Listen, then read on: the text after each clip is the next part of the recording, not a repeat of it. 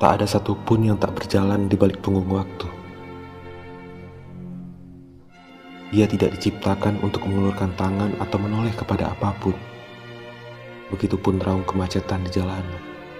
Mesin-mesin kokoh terus berjalan, membawa manusia meninggalkan segala yang tidak tahu tentang redup lampu di taman kota yang terus tumbuh sebagai penyintas hidrokarbon.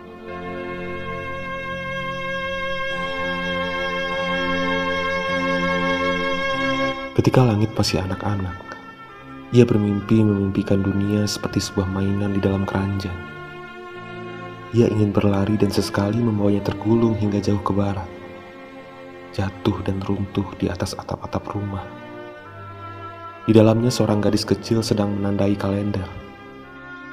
Lalu bulan April membuka mata, tersenyum padanya melalui hari-hari libur.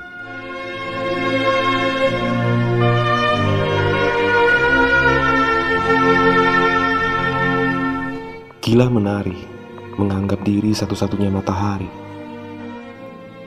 Cahaya adalah ibu dan malam adalah sebatang lilin yang baru saja dimatikan. Banyak hal yang ia ingin mengerti tentang sesuatu yang bukan dirinya. Tentang gelap yang tak punya waktu tidur. Tentang senja yang hanya berbicara melalui lirik puisi orang dewasa.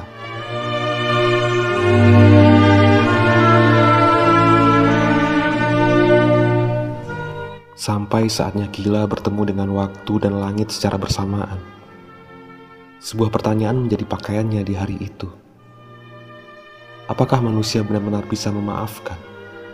Sedangkan di dalam kepala mereka, kesedihan datang seperti lautan, dan hidup hanya punya kapal kecil yang terbuat dari air mata.